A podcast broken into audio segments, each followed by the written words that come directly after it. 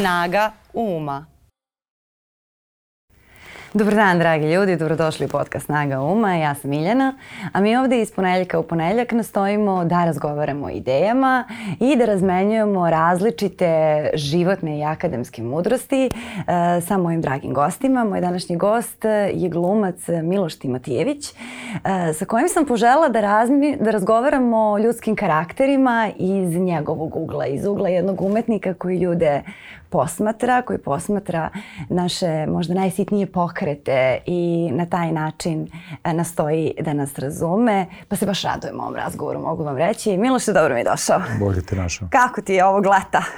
Pa vruće kao svima. Koji svima? Pa koji svima, da. Ali trudim se ono da da radim, da završavam stvari, da, da ne mislim toliko na vrućinu, nekad ne možeš. Najgore stvari u kolima. Uh -huh. Tad je u stvari najgore. Pošto ti ne voziš, ovaj, ali... Nema tih da, problema, da.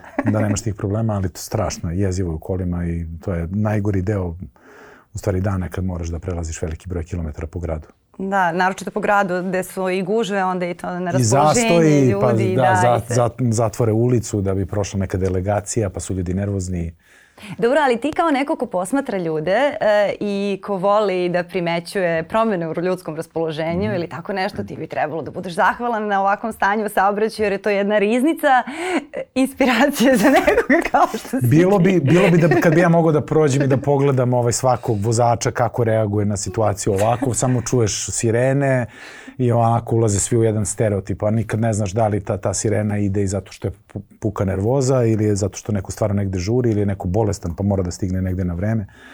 Uvek postoje različite. Mislim, tražim opravdanja za sve te ljude, za tu nervozu. Uvek tražim opravdanja, nekad ja sam čovek, ne mogu da nađem uvek opravdanje za sve. Dobro, da, sada i šalu na stranu, to je jako dobar e, pristup. Ovde je gostavo i tvoj kolega Tika Stanić, mm -hmm. koji je rekao tu fantastičnu uh, glumačku lekciju, uh, to da je partner uvek u pravu. I kada bismo mogli od glumaca da naučimo taj pristup, makar od dobrih glumaca, uh, da pokušamo da razumemo poziciju te druge osobe, da razumemo da ta druga osoba koja nam se obraća ili koja možda viče na nas, to radi zato što misli da je u pravu pravu, a ne zato što ima nešto konkretno posebno samo protiv nas, da bi svet bio mnogo, mnogo bolji. Sada mene zanima da li je to kod vas e, profesionalna deformacija i kako se to kod tebe gradilo, jer to u suštini neka jako dobra osobina koja podrazumeva i toleranciju i razumevanje i utiče na mnoge druge aspekte života, ne samo na to da li si dobar glumac. Pa da, sve počinje u stvari od treniranja empatije i tolerancije. Uh, ti moraš da bi dosta često u, u našem poslu dobijaš uloge koje su de, jako daleko od tebe, odnosno ljude koji drugačije reaguju u drugačijim životnim okolnostima od tebe i onda moraš da razumeš zašto je to tako. Moraš da ih opravdaš, moraš da veruješ u istinu, u njihovu istinu. Uh, moraš da znaš zašto su oni od, od, u određenoj situaciji na taj ili taj način to nešto rekli, uradili, uradili nekom drugom i tako dalje i tako dalje. I onda iz te, te tog nekog, što ti kažeš, neke profesionalne deformacije, ti konstantno onda imaš potrebu da ljude opravdaš. Um, ja, pro, prosto ja imam tu potrebu. Ne kažem da su svi glumci takvi, ali ja prosto, to je neka moja, moje viđenje sveta, života i mislim da je to ovaj, jedini pravi način da se gleda, da se, da se prosto počnemo da se razumemo. I sada dok ovo govoriš, razmišljam, možda su zbog toga uvek e, nekako, kad god se dešavaju neke ve, veće društvene promene, da ne kažem i političke, nekako glumci igro slučaj uvek budu na pravoj strani. Makar ovde kod nas e, u Srbiji gde, se, gde je Balkan, gde je taj ego onako dominantan, gde je to branjenje sobstvenog polazišta, maltene stvar svetinje i časti. Tradicije. E, da, moguće da, to, e, da je to povezano, da taj pristup, ta tolerancija, da li su prava manjina, marginalizovanih društvenih grupa, da li je politička nepravda, da li odbrana reka, ali nekako kad god je gusto, tu će biti neko od tvojih kolega i koleginica koji, koji, koji će da razumeju. Pa svi mi razumemo. Suštinski svi mi razumemo. Neki od nas prosto to su ljudi koji, oni koji razumeju i koji se stavljaju na pravu stranu su prosto ljudi koji nikad nemaju interes. Jer, odnosno, njihov interes se izjednačava sa javnim interesom. Jer javni interes je interes svih nas. I to moramo da razumemo. A sve ostalo je prosto lični interes. I tu se možda negde delimo. tako se deli, deli ljudi, mislim obični. Obično kad ljudi staju na pogrešnu stranu, staju iz ličnih interesa, a ne gledaju prosto širu sliku i javni, ovaj, javni interes i to je to. A, ti si ušao u glumu kao dete, 6-7 godina, je li tako? Mislim, veoma mlad. Pa ušao. U ti, u, da kažem, u, u tu glumačku trupu. Tako je, da, to je bila da, kod Aleksića, koja je sad, ovaj, ta je priča poprimila mnogo drugačiji da, ton. drugačiji ton, da, ali Aha. u to vreme je to bilo potpuno drugačije, da, zato što je Mika Aleksi, Aleksić je bio naslednik Bate Miladinovića, koji je bio jedan veliki profesor glume i to je, bar u to vreme kada sam ja bio tamo, bila pristojna škola glume.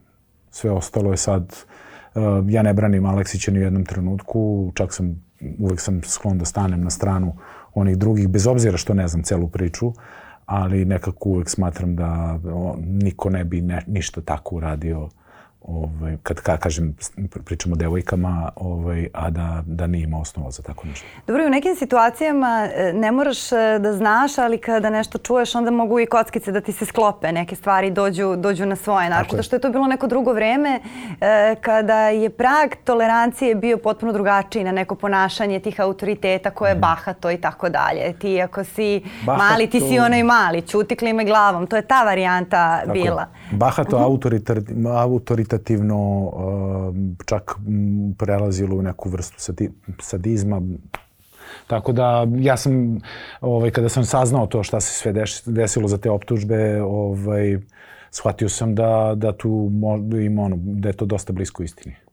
Ali to je veoma osetljivo, mislim, ose, e, gluma je osetljiva zato što maltene to je jako, vrlo je bliska duši, vrlo je bliska emocijama. Ona je osetljiva i kada radiš sa ljudima u zrelim godinama, a kamoli, a kamoli sa decom. I sad to kad kažeš sad, na, na ivici sadizma, to je onako baš odjekne ozbiljno. Pa jeste ozbiljno. A, a sad me zanima... Ja biram svoje reči, znam šta, šta govorim, da. Ove, a sada me zanima kako, to, uh, kako se to kod tebe razvijalo i kako se to kod tebe saniralo. Jer ti si čuo tu rečenicu da ne treba da opisuješ glumu zato što nije to za tebe otprilike od nekoga ko je autoritet. Kako se to kod tebe saniralo da se ipak izrasta u čoveka koji će da posmatra i takve ljude i da razmišlja o tome kako da ih opravda i da zaista pronađeš taj svoj glumački senzibilitet koji ide do mikro, mikro nijansi i zaista je ovaj, najfiniji mogući. Nije, nije šmira, nije poziranje. Ja, kada uh mhm. -huh. sama ta, ta situacija koju si da. spomenula, kad mi je Mika rekao da ja prosto nemam smisla za glumu i da, ovaj, da bi trebalo da se bavim nekim drugim zanimanjem, jer to što sam prošao uži izbor, te godine kada sam, posle treće godine kada sam probao da upišem akademiju, pa sam prošao na uži izbor, nisam prošao dalje, rekao je uh -huh. a, da da ja prosto sam prošao uži izbor zato što me on spremao, ne, ne zato što sam talentovan. A, ja sam rekao u redu, nikakav problem, to je posljednji čas da sam otišao kod Miki Aleksića na čas ali to je u meni izav, izav, ovaj, izazvalo neku vrstu bunta i nata i onda sam rekao, uh mhm. -huh. dobro, sad ćemo da, da vidimo ko nema talenta. Dobro, ali nekoga bi to slomilo? Mislim, pa ne mogu, da, što... ne mogu da kažem da me nije povredilo, uh mhm. -huh. daleko od toga, ali prosto nisam ta vrsta osobe koja da. će, ako verujem u sebe i ako verujem da nešto mogu i da nešto znam, ovaj, da potencijalno znam, nikad sa 17 godina nikad ne znaš ti ništa sigurno, ali da potencijalno, pogotovo posle prvog uh, puta kada sam prošao, shvatio sam da ti mirisi na FDU, uh, cela, ovaj, ti, ti ljudi, profesori, sve mi je to delovalo nekako kao potencijalno moj put. I onda sam znao posle toga da, da će to biti negde moj put. Imao sam osjećaj više negde intuitivno.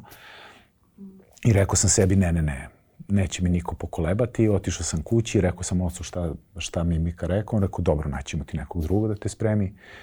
Spremila me Vjera Dedović, Ovaj, i, to te spremilo poprilično dobro, očigledno. Me, primili su me sledeće godine i to, me, to, to su me primili svi profesori, pošto tada je Barsa Jovanović otišao u penziju, primila me, kako se to kaže, već katedra me primila, tako da nisam imao samo jednog profesora da zadovoljim, već je to bilo ono, ove njihove visoke standarde, već je Vlada Jeftović je bio predsednik komisije, bili su tu ono, tri ili četiri profesora. Tako da bi nije bilo uopšte jednostavno, a te godine je bilo, bio najveći broj kandidata ikad zabeležen, to je bilo skoro 600 kandidata, primljeno nas 12. Ali opet si ti uh, imao to što kažeš, otišla sam e, kod tate i tate rekao dobro naći ćemo ti uh, drugog nastavnika. Opet si ti imao u kući bazu koja ti je da. grazil, gradila samopoštovanje i bila podrška veća i dovoljna da, da neko sa strane ne može da je poljulja. Pa da, zato što to, u da. suštini da. moja podrška je do, dolazila od čoveka koji mi je u stvari kada sam se odlučivao šta, čime ću da se bavim u životu, on mi je prvi rekao bilo bi dobro da razmisliš da se baviš glumom. Da. Uh, tako da, ono, to je bila negde njegova ideja i onda očeva ideja i onda sam naravno da me podržao do kraja. E, I ti si sad e, kao glumac koji koristi, ima tu mogućnost da, da istražuje svoj senzibilitet, koliko god da kažu, e, ok, igra loše momke, igra policajice i tako dalje, to je jedan tip ličnosti, ali i nije jedan tip ličnosti, dobri ali nisu momci, svi isti. Dobri momci, dobri momci ne bi postojali bez loših momaka. Da, i to uopšte nisu svi isti tipovi ličnosti, tako da ti, ti sad već imaš tu sreću da, da istražuješ svoj senzibilitet, mm -hmm. da ne mhm. igraš uvek istog tipa, samo u različitim u različitim situacijama. Trudim se, ne bi imao izazova onog trenutka kad nemaš izazov, nemaš motivaciju. Kad nemaš motivaciju, onda nemaš ni volju da radiš nešto. Tako da to prosto ide nekako svojim... E, sad je meni zanimljivo da se to napravi neku vrstu eksperimenta. Zato što ove, mislim da to, to ljudi nisu radili, makar ja nisam videla da se u domaćim medijima radilo. Uglavnom o tipovima ličnosti govore psiholozi, što je okej okay, i to je mm. jedan, jedan uvid koji ima jednu svrhu. Ali meni je jako zanimljivo, uh, ti si igrao vrlo narcisoidnog lika, onda s druge strane vrlo uh, ovaj, obsesivnog lika, likove sa različitim kompleksima. Zanima me kako, kako to iz ugla jednog glumca koji posmatra ljude do najsitnijih detalja, kako izgledaju ti tipovi ličnosti sa kojima si ti imao. Evo recimo da krenemo od lažnosti, to mi je sada palo na pamet, o tome smo i govorili. Da, od narcisa, da, i to je taj Pa, znaš kako... Muškarac koji se drži pod kontrolom, takozvani. da. A, a sve mu se, sve, ovaj, a tepih mu se pod nogama izmiče. Pa naravno. Da. A, pa, ja sam kada sam počeo da, da razmišljam, kada sam krenuo da čitam tekst, prvo sam se bavio, to jest pozajmio sam, ja dosta kradem savete svojih starih kolega, dosta gledam in, na internetu stvari, istražujem i onda mi je, kada spremam takvu ulogu koja je kompleksna, delikatna, onda ima ono, pitali su jedan put Anthony Hopkinsa kako se spremate za ulogu, on je rekao pa ništa, ja samo pročitam scenariju 150 puta. I onda sam ja prvo besomučno čitao taj scenariju. Dotle sam znao taj scenario da kad bi na snimanju snimali, rek, pitali bi ekipa se da rekao ko sledeću scenu snimam, ja bi, rekao, ja bi se drao i rekao bi 71A. Mislim, to može i reditelj da vam potvrdi ko je bio u fazonu, ja ne znam koji je broj, koji je pisao scenariju pet godina. Um, počeo sam od čitanja, onda sam krenuo od tela, jer sam shvatio da moram telo da, da promenim. To je bio i njegov zahtev rediteljev, ali Nikolin, ali uh, ja sam morao to da negde sam to imao u ideji da takav čovek koji je narcisoida ne može da ima obično telo, mora da, da se bavi tom, tim telom. Onda sam ušao u teretanu prvi put, drugi put u životu, pošto sam prvi put ušao u teretanu za sedam i po. I uh, tada sam shvatio, tada sam posmatrići ljude uh, koji, su, koji su u teretani, shvatio sam da pogotovo muškarci vole da kad odrade trening da se gledaju u ogledalu. To i ja radim. Ali to svi rade. To svi da. rade da prosto budu svesni napretka. Uh -huh koji su postigli, jer ono, ti ono, na, nateknuti mišić, ti voliš da se da pogledaš, s tim što sam ja onda krenuo to malo, malo duže da radim, uh -huh. nego, nego što bi prirodno i obično radio ovaj, i što rade ljudi. I nekako sam tako pobuđivao neki, neki, neku dozu ličnog narcizma, ono, narcisoidnosti neke. Um, Ali tu jeste razlika u tome na koji način ljudi sebe gledaju posle treninga od čoveka. Apsolutno, to, se, to je jako apsolutno. dobar, dobar... To, im do, dobiješ neku perverznu vrstu zadovoljstva da, ovaj, da, toga da. i ovaj, to, to utiče na, na psihu, pogotovo kad si u teretani šest meseci, kad treniraš tri do četiri puta nedeljno, kad, kad ti to postane navika, a, kad imaš jednu, i onda sam shvatio da je a, radeći na probama sa Nikolom i Tamarom, Tamara, Nikola je rekao sad ćemo da, da radimo hod likova, vaša dva lika, koji su dva glavna muški i ženski lik. I onda je rekao Nikola, e da, ali sad ćete samo da radite, uh, Tamara će da nađe Milošev hod, a Miloš će da nađe Tamarin hod.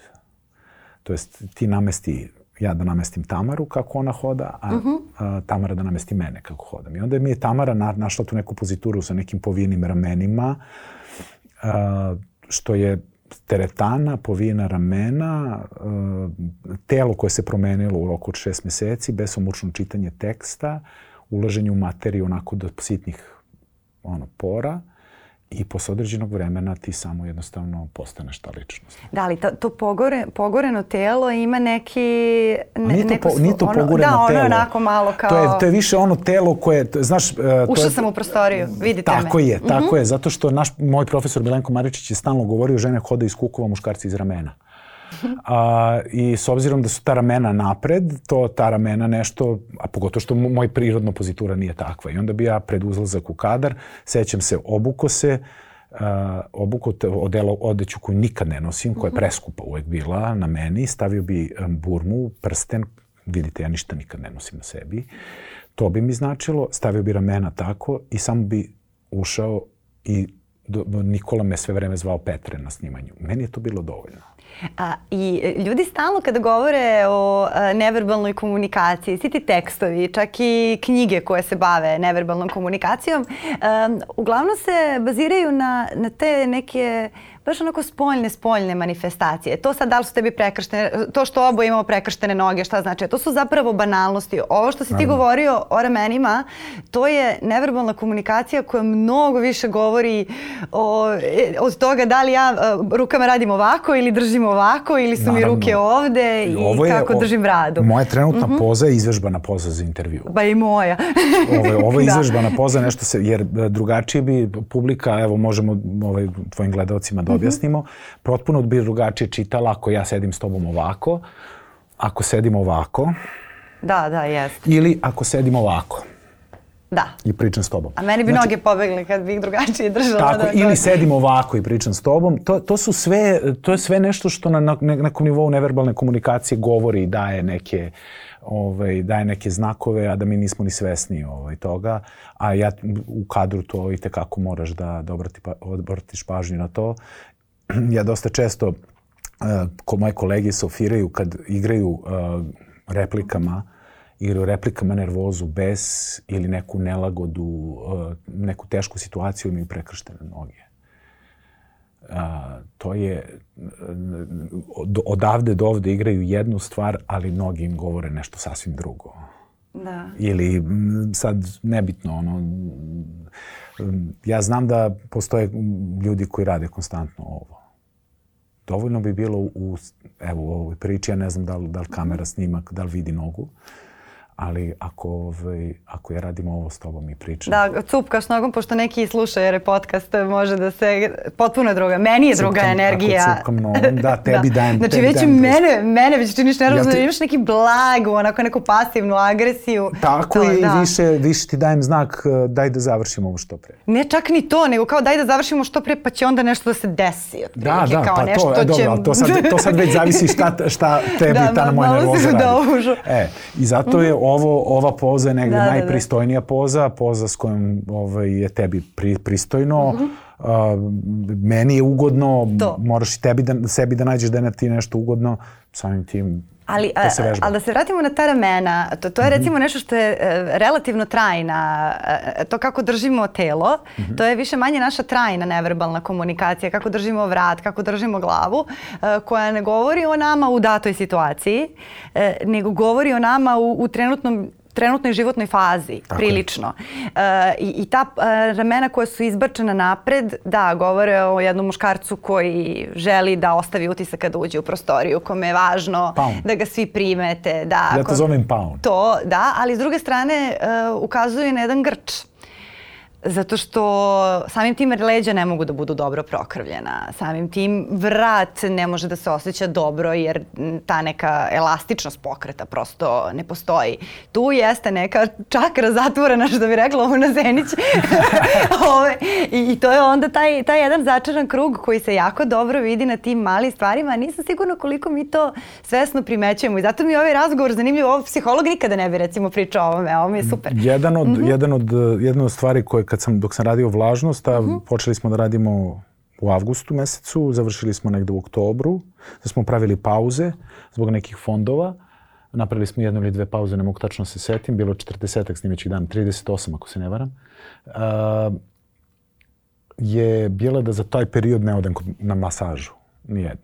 Znaš kako sam provalila? Da ostavim, da ostavim telu grču. Kako Ove, sam uvao.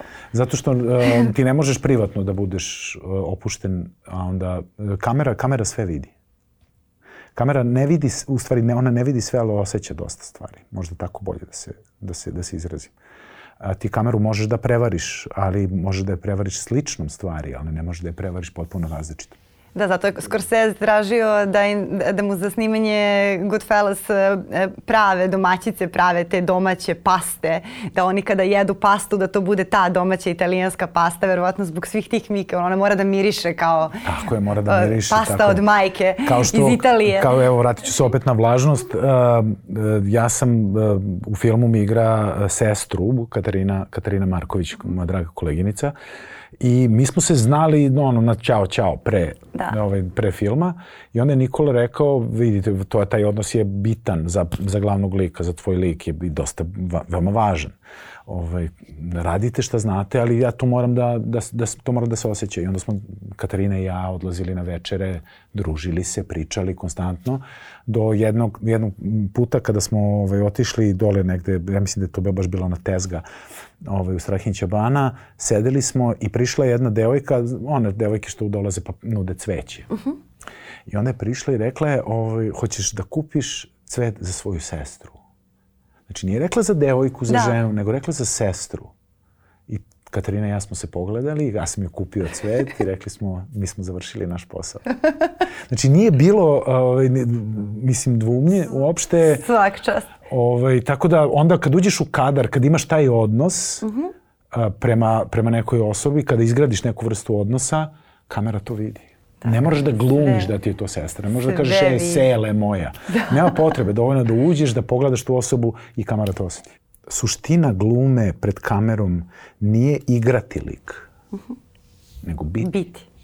Lik. E sad, kada e, kad si... budeš mhm. lik, onda uh -huh. nemaš potrebe da promišljaš da li bi on uradio nešto ovako ili onako. Dobro, ti si totalno učitao taj, tog jednog čoveka. Da, koji je, sebe, da, da, koji uopšte, čija, čija sudbina, splet okolnosti jeste specifičan, ali sve te brige, muke, um, dominantne karakteristike i nisu toliko. I, ima dosta takvih ljudi. Sad me zanima, um, da li se tebi promenio odnos prema takvim ljudima, prema tim paunovima, u tvom okruženju, u gradu? Naravno, kako, naravno. Ti, kako to sad izgleda kod tebe? Naravno, mi, mi živimo u jednom vremenu uh, pritisaka, konstantnih pritisaka od strane društva, od strane porodice, sa svoje strane pritisaka. Tako da je to prilično onako naporno i ti kad uh, jedan, ne mogu više da se setim gde sam tu to ovaj, čuo, kaže kad jednom prođeš glavom kroz zid, drugi put prođeš glavom kroz zid, treći put prođeš glavom kroz zid, da li se u nekom trenutku zapitaš da li uopšte treba da budeš tu? Da. E, to je priča o tom tipu koji je ne, malo ljudi koji su gledali taj film mogli su da pri, primete detalj kad on dođe kod svojih roditelja u svoju sobu i zaspi, postoji jedan trenutak da je na njegovom zidu otpor, pištaljka. To, to je malo ljudi primetilo. ja to znam. zato što on je ta generacija koja je napravila previše kompromisa. Uh -huh. ovaj, koja je od jednog, da kažem, demonstranta, nekog čoveka koji je potekao iz jedne fine kuće, koji je potekao iz jednog, koji je potekao iz jednog blagog oca, jedne jake, jake majke, došao ovaj, kao naslednik, jel? Uh -huh. Iako ima tu sestru koja je mlađa, ali on je naslednik, on je, zove se Petar, oni slave Petrovdan.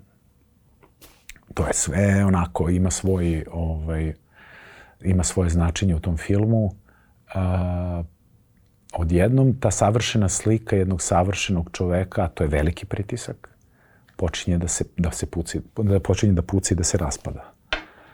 A, a raspada se tako što ne ide sve po njegovom. A on misli da je sve, ono, što bi, kako, kako to ide, The World is Mine, i da ima ta pesma. Da, to e, pa iz, očigledno malo nije, malo i nji, što kaže... Da, da je što svet dužan da ide po njegovom. Dužan, a po, kad ne ide nešto po njegovom, onda se taj nivo, ovaj, onda se prosto taj sistem vrednosti ruši i to je ključni problem tog lika. Poslednjih 20, možda i jače godina, u pop kulturi postoji ta jedna struja uh, da se popusti taj pritisak koji je nametnut uh, ženama kroz medije. Pritisak o tome šta je savršena žena, šta je ideal žene, kroz body positivity, kroz naslovne strane um, ovaj, koje nisu photoshopirane, koje agresivno nisu photoshopirane, kroz različite tekstove, influencere, sad svaka država ima neke, neke svoje pravce, ali toga zaista zaista ima, ima i mnogo. Ja ne znam sada koliko postoji takav neka, neki pokret za muškarce. Jer e, s jedne strane e, ideali koji su nametani jesu različiti. Ne znam, ženama je nametnuto kako treba savršeno da izgledaju, kako ove, sada tu postoji čitav jedan paket e, imperativa koji su više manje svi nedostižni i, i koji su više manje svi nebitni za realan osjećaj ispunjenosti i sreće. A, ali opet tako ne znam koliko je to uopšte kod muškaraca definisano. Ja mislim da se taj pritisak možda čak najviše vidi na, na, takvim, na takvim ljudima o kojima si ti govorio, koji tako imaju sve skupo i e, očekuju da svet mora da se ponaša onako kako oni hoće, jer ako se svet ne ponaša onako kako oni hoće, oni su neuspešni, oni nisu muškarci malte ne. To je, to je vrlo veliki pritisak. Pa to je onaj pritisak koji sami sebi namećemo. To je ta naj, najgora vrsta pritiska. Uh mhm. -huh. Jer u redu je, možeš se ti izboriti sa pritiskom društva i sa pritiskom porodice, ali ako nametneš sebi neke, neke kako sebi uh mhm. -huh. konstantno držiš prit, pod pritiskom, u tom trenutku ćeš, ono, morat, morat ćeš da pukneš kad tad. Zato ono, uh, znaš, mislim, uh, sad, kod nas na Balkanu uh, muškarcima se gleda kroz prste. Moramo da budemo svesni. Ne, gleda se za ove druge neke stvari, a ovde pričamo o tom osjećaju. Znači, ali ovo drugo je... Ovaj, postoji da. onako, znači, muškarac, kad po, pogledaš ženu i muškarca, vidiš da je ona doterana, vidiš da se bavi sobom, vidiš da, ide, da je na dijeti, vidiš da a on je, može da ima i stomak, može da je čak... Postoje žene koje govore kao ja više volim stomak od muškarca.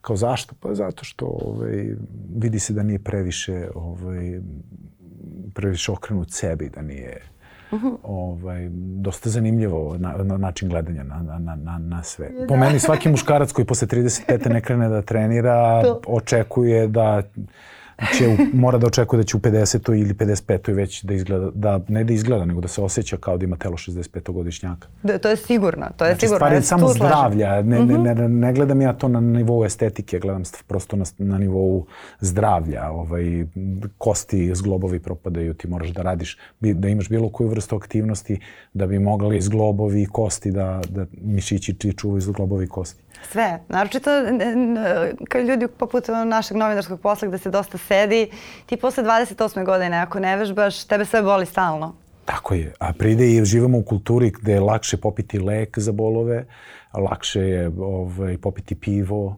mm. popiti neki alkohol, nego tići u teretanu 45 minuta i osjećati se ili sat vremena ili sat i po, zavisi, zavisno od toga šta radiš i biti ono ceo dan zadovoljan i srećan da što će imati mnogo bolji efekat i od tih lekova i, i od svega i ne samo po, po pitanje problema leđa nego i po sve ove druge stvari zato što mi imamo prosto potrebu da se krećemo koju ako ne ispucamo opet je ove, opet dolazimo u tu, tu vrstu fiziološkog Pa da, zato što tehnologija, problema. društvo se mnogo pomaklo, naša, naša, naš biološki sklop je i dalje star mnogo godina, mnogo hiljada godina i mi moramo da mu damo priliku da se adaptira na, na, na, te, na moderno društvo.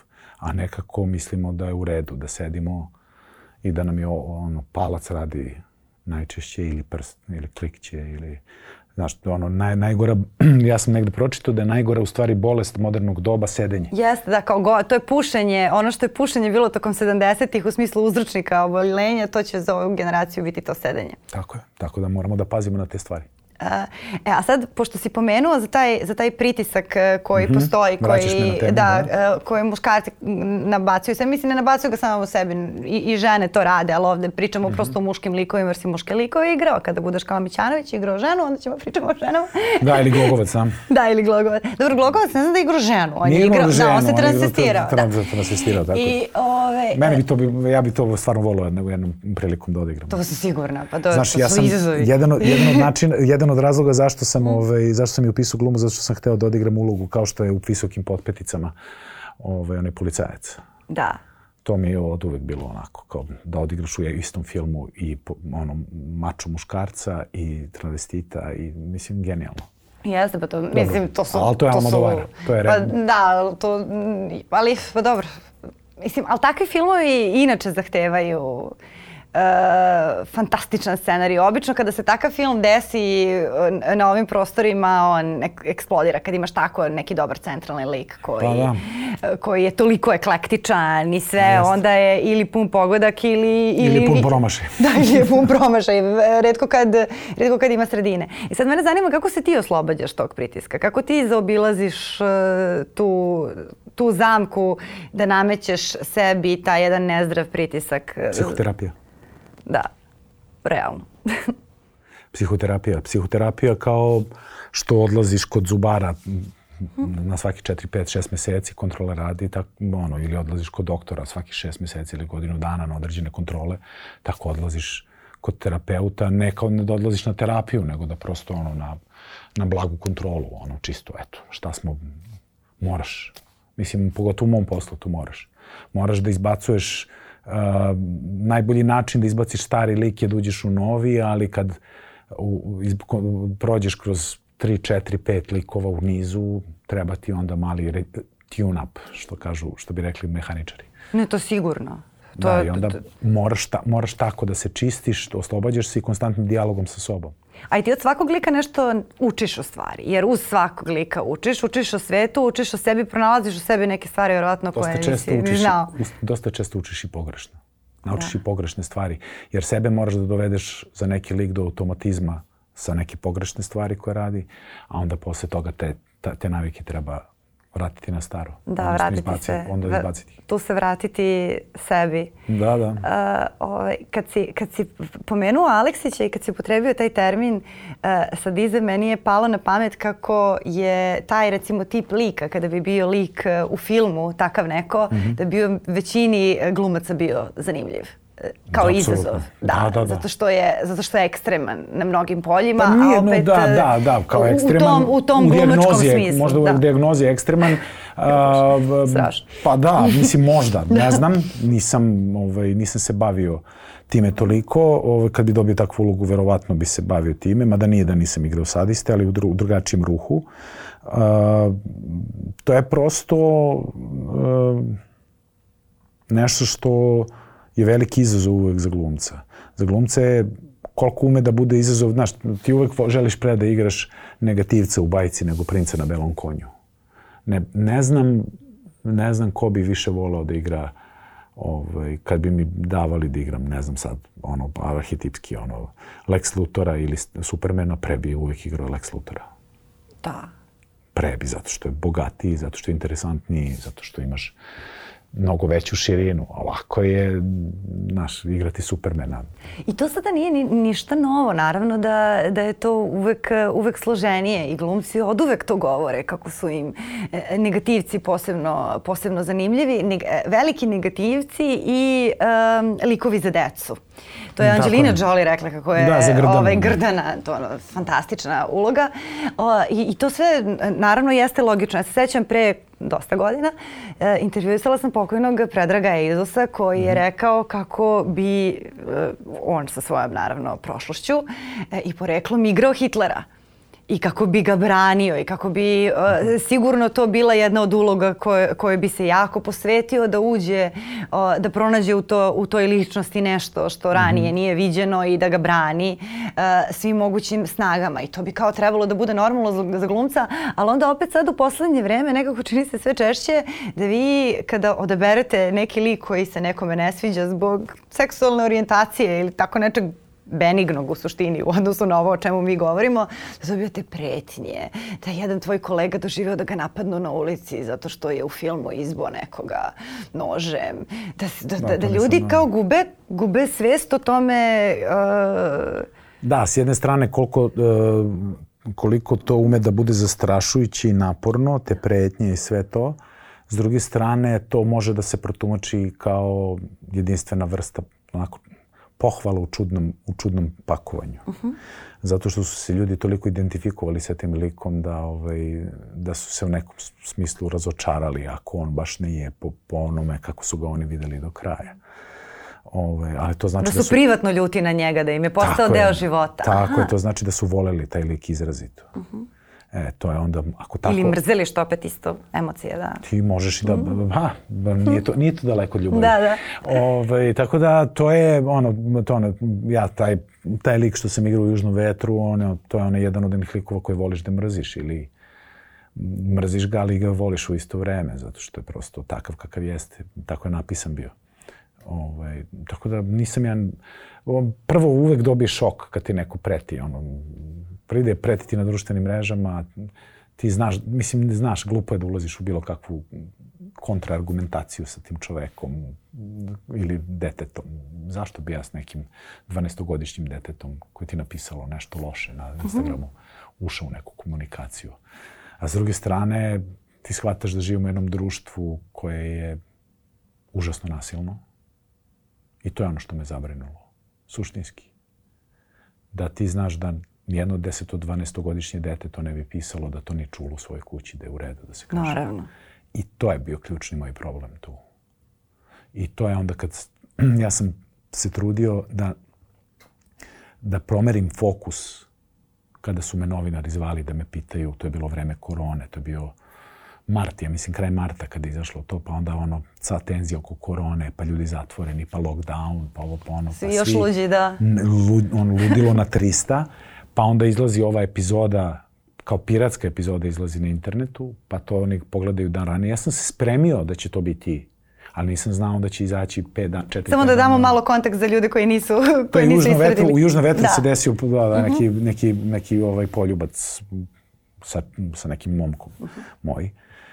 Um, I to je bilo salve. Ja sam dobio to jutro, sam dobio salve ovaj, pretećih, mislim pretećih, pogrdnih, a i pretećih poruka. I onako, I onda sam shvatio da takvu situaciju ja sad mogu da, da vraćam to ili mogu da zaboravim, ali ne, ja nisam ni vratio ni zaboravio, nego sam rešio da probam, pro, promenim fokus teme, a to je upravo to, nasilje uh mhm. -huh. i loš odnos prema, prema LGBT populaciji kod nas. Da, to, da, da sama činjenica da ljudi do te mere to triggeruje. Pritom, pazi, to je južni vetar. To nije tesna koža. Šta se sve tu dešava? Šta se sve tu dešava što se, ne bi trebalo da se dešava? Ne bi nikako smelo da se dešava. Kao ako ćemo da bukvalizujemo uh, filmski sadržaj, serijski sadržaj, kao tu se stvarno mnogo stvari dešava koje su problematične Ubistva i mnogo problem... se dešavaju, mučenja, maltretiranja. Znači, dešava se sve. Objektivizacija žena na, na, na, na gomili, na, na, na više nivoa, hiljadu stvari se desi, ali ne, gej poljubac je bio problem. Da, da. I, i koliko to govori ovaj, o nama i o, i o svemu što, mislim... To govori o, znaš, ali to je, e, skoro sam negde pogledao klip, e, kratak klip na, na Instagramu, e, gde je Cher rekla, zamislite, ovaj, pričali su o LGBT populaciji i uh, Sherry rekla, uh, zamisli, pošto je pričala sa voditeljem, muškarcem, uh -huh. i rekla mu je, zamisli da tebi neko kaže da ne može da budeš heteroseksualni muškarac. Da ti neko brani da si to što jesi. Kako bi se ti osjećao? Samo tako posmatrajte stvar. To je nešto što neko jeste. I prosto ne možeš nikom braniti da bude ono što Pa nemaš pravo da imaš mišljenje o tome. Mislim, već je, ne, da, to već je nelagodno da ali... imati mišljenje o tome koje, koje neko seksualnosti treba da... Već je kao to na, na, na granici... Kao što men, mene... Ko, da, nepristojnosti. Je, tako da. je, to je nešto, to je nečija tuđa stvar, kao što je ne, da li neko veruje u Boga, ne veruje u Boga, da li ide u crkvu, ne ide u crkvu, da li ide u džamiju, ne ide u džamiju. To je privatna, lična stvar. Znaš, kao i to šta ljudi rade u krevetu. To je njihovo apsolutno privatno. Me uopšte ne ulazim u to. I sada kada govorimo, kada govorimo s jedne strane o tom nasilju, s druge strane o ovom razumevanju koje i, i ti i tvoje kolege morate da praktikujete, mm -hmm. a, kako, kako tu nekako pronaći meru? Da li, je, da li je moguće, da li misliš da je moguće a, ljude koji su navikli da, da budu brzi na tom emocionalnom obaraču, čim im se nešto ne sviđa, čim ih svet ne sluša, da li je moguće približiti im taj pristup o kom, o kom ti govoriš? Moraš... Jer ti si igrao i takve likove. Jesam, da, da, da. Stvar je vrlo jednostavna. Mm. nasilje dolazi iz nemogućnosti da se nešto objasni. -hmm. onog trenutka kad više nemaš nikakvu argumentaciju, ti ulaziš u fizički obračun. samim tim ljude treba edukovati, zato je jako bitno da, da, da se ljudi bave školom, čitanjem, gledanjem, um, ono, konzumiranjem umetnosti, jer ih to oplemenjuje. Kad te to plemenjuje, kad shvatiš u stvari koliko je ovaj život kratak, koliko je ovaj život može da bude lep, koliko smo svi različiti, koliko je to lepo što smo svi različiti, koliko je lepo da svi imamo drugačije mišljenje, onda automatski više nemaš nikakvu potrebu da budeš ni agresivan, ni da ulaziš u nasilje. Samo edukacija i konzumiranje umetnosti. To je ono što je ključno i trening Da, ali to sada kada kažeš, uh, to mi, mnogo puta mi se desilo u poslednje vreme da čujem uh, i od bliskih ljudi, uh, to kao knjiga, umetnost, film, pozorište, umetnost je nešto u što treba da se udobiš. Bilo da je knjiga, bilo da je pozorišna predstava, bilo da je kvalitetan film. E, ti neki film koji je totalna limunadica ili suva pucačina neka, onako potpuno besmislena, bez radnje, ti to možeš da gledaš i dok e, igraš igricu i dok si potpuno rastrojen i ne znam u, u kojoj si već nekoj fazi polupažnje, e, ali kvalitetne sadržaje, zato ti zaista treba fokus. I ljudi onda često kažu kao, ma ja ne mogu da se fokusiram na to i kao samo pređu preko toga. A isto kao što je simptom, ako ti ne možeš da pretrčiš 200 metara i da se ne zadišeš do granica koje nisu okej, okay, uh, ili kad ne možeš nešto drugo, ne možeš da podigneš kofer, tako isto, pa se onda pozabaviš time, kreneš da vežbaš, odeš kod kardiologa da vidiš da li se nešto sa mnom u redu, tako isto i ta činjenica, ako ti ne možeš da se udubiš u tri stranice knjige, možda si malo preterao sa tim fokusom, možda treba da se vratiš, to kao sad ne mogu ja da se udubim u knjigu, to nije izgovor. Ja, ja čak mislim da, da, da je to dobro reći, jer ti, ti si glumac i baš zbog toga što čitaš dosta tekstova, mislim da, da ste malo operisani od, tog, od, tog vrsta, od te vrste problema. Ali ljudi mnogo imaju te probleme, uopšte se ne govori o tome, nego ja kao ne mogu da čitam, nemam, nemam strpljenja. Pa to je nešto na čemu bi trebalo da se radi. To nije absolutno, izgovor da se... To se... I to se trenira, da, i to da, se vežba. to mora se vežba, da. Ali znaš kako, što se tiče umetničkih filmova, da. Ovaj, svega kvalitetnog. Svega kvalitetnog u suštini, ali ja, prosto je to moj posao, pa ja mogu da pričam uh -huh. o mhm. filmovima. Woody Allen je davno rekao, kaže, 70, 69. izlazi tipa 2001. Odiseja u, u svemiru, Stanley Kubricka. I kaže, otišao sam u bioskop da ga pogledam I kao meni je to bilo apsolutno ništa ne mi jasno, dosadno, razvučeno. I kaže, 5-7 godina kasnije sedim s nekim prijateljima, oni govore remek delo, remek delo i stalno čujem remek delo 2001. Ko, kao šta, šta pričate vi, o čemu pričate? Ja sam gledao taj film, meni to ništa nije bilo. I kaže, jedan put vidim 2001. Odiseja u nekom bioskopu i kažem, sednem i odem. I shvatim zašto je taj film veliki.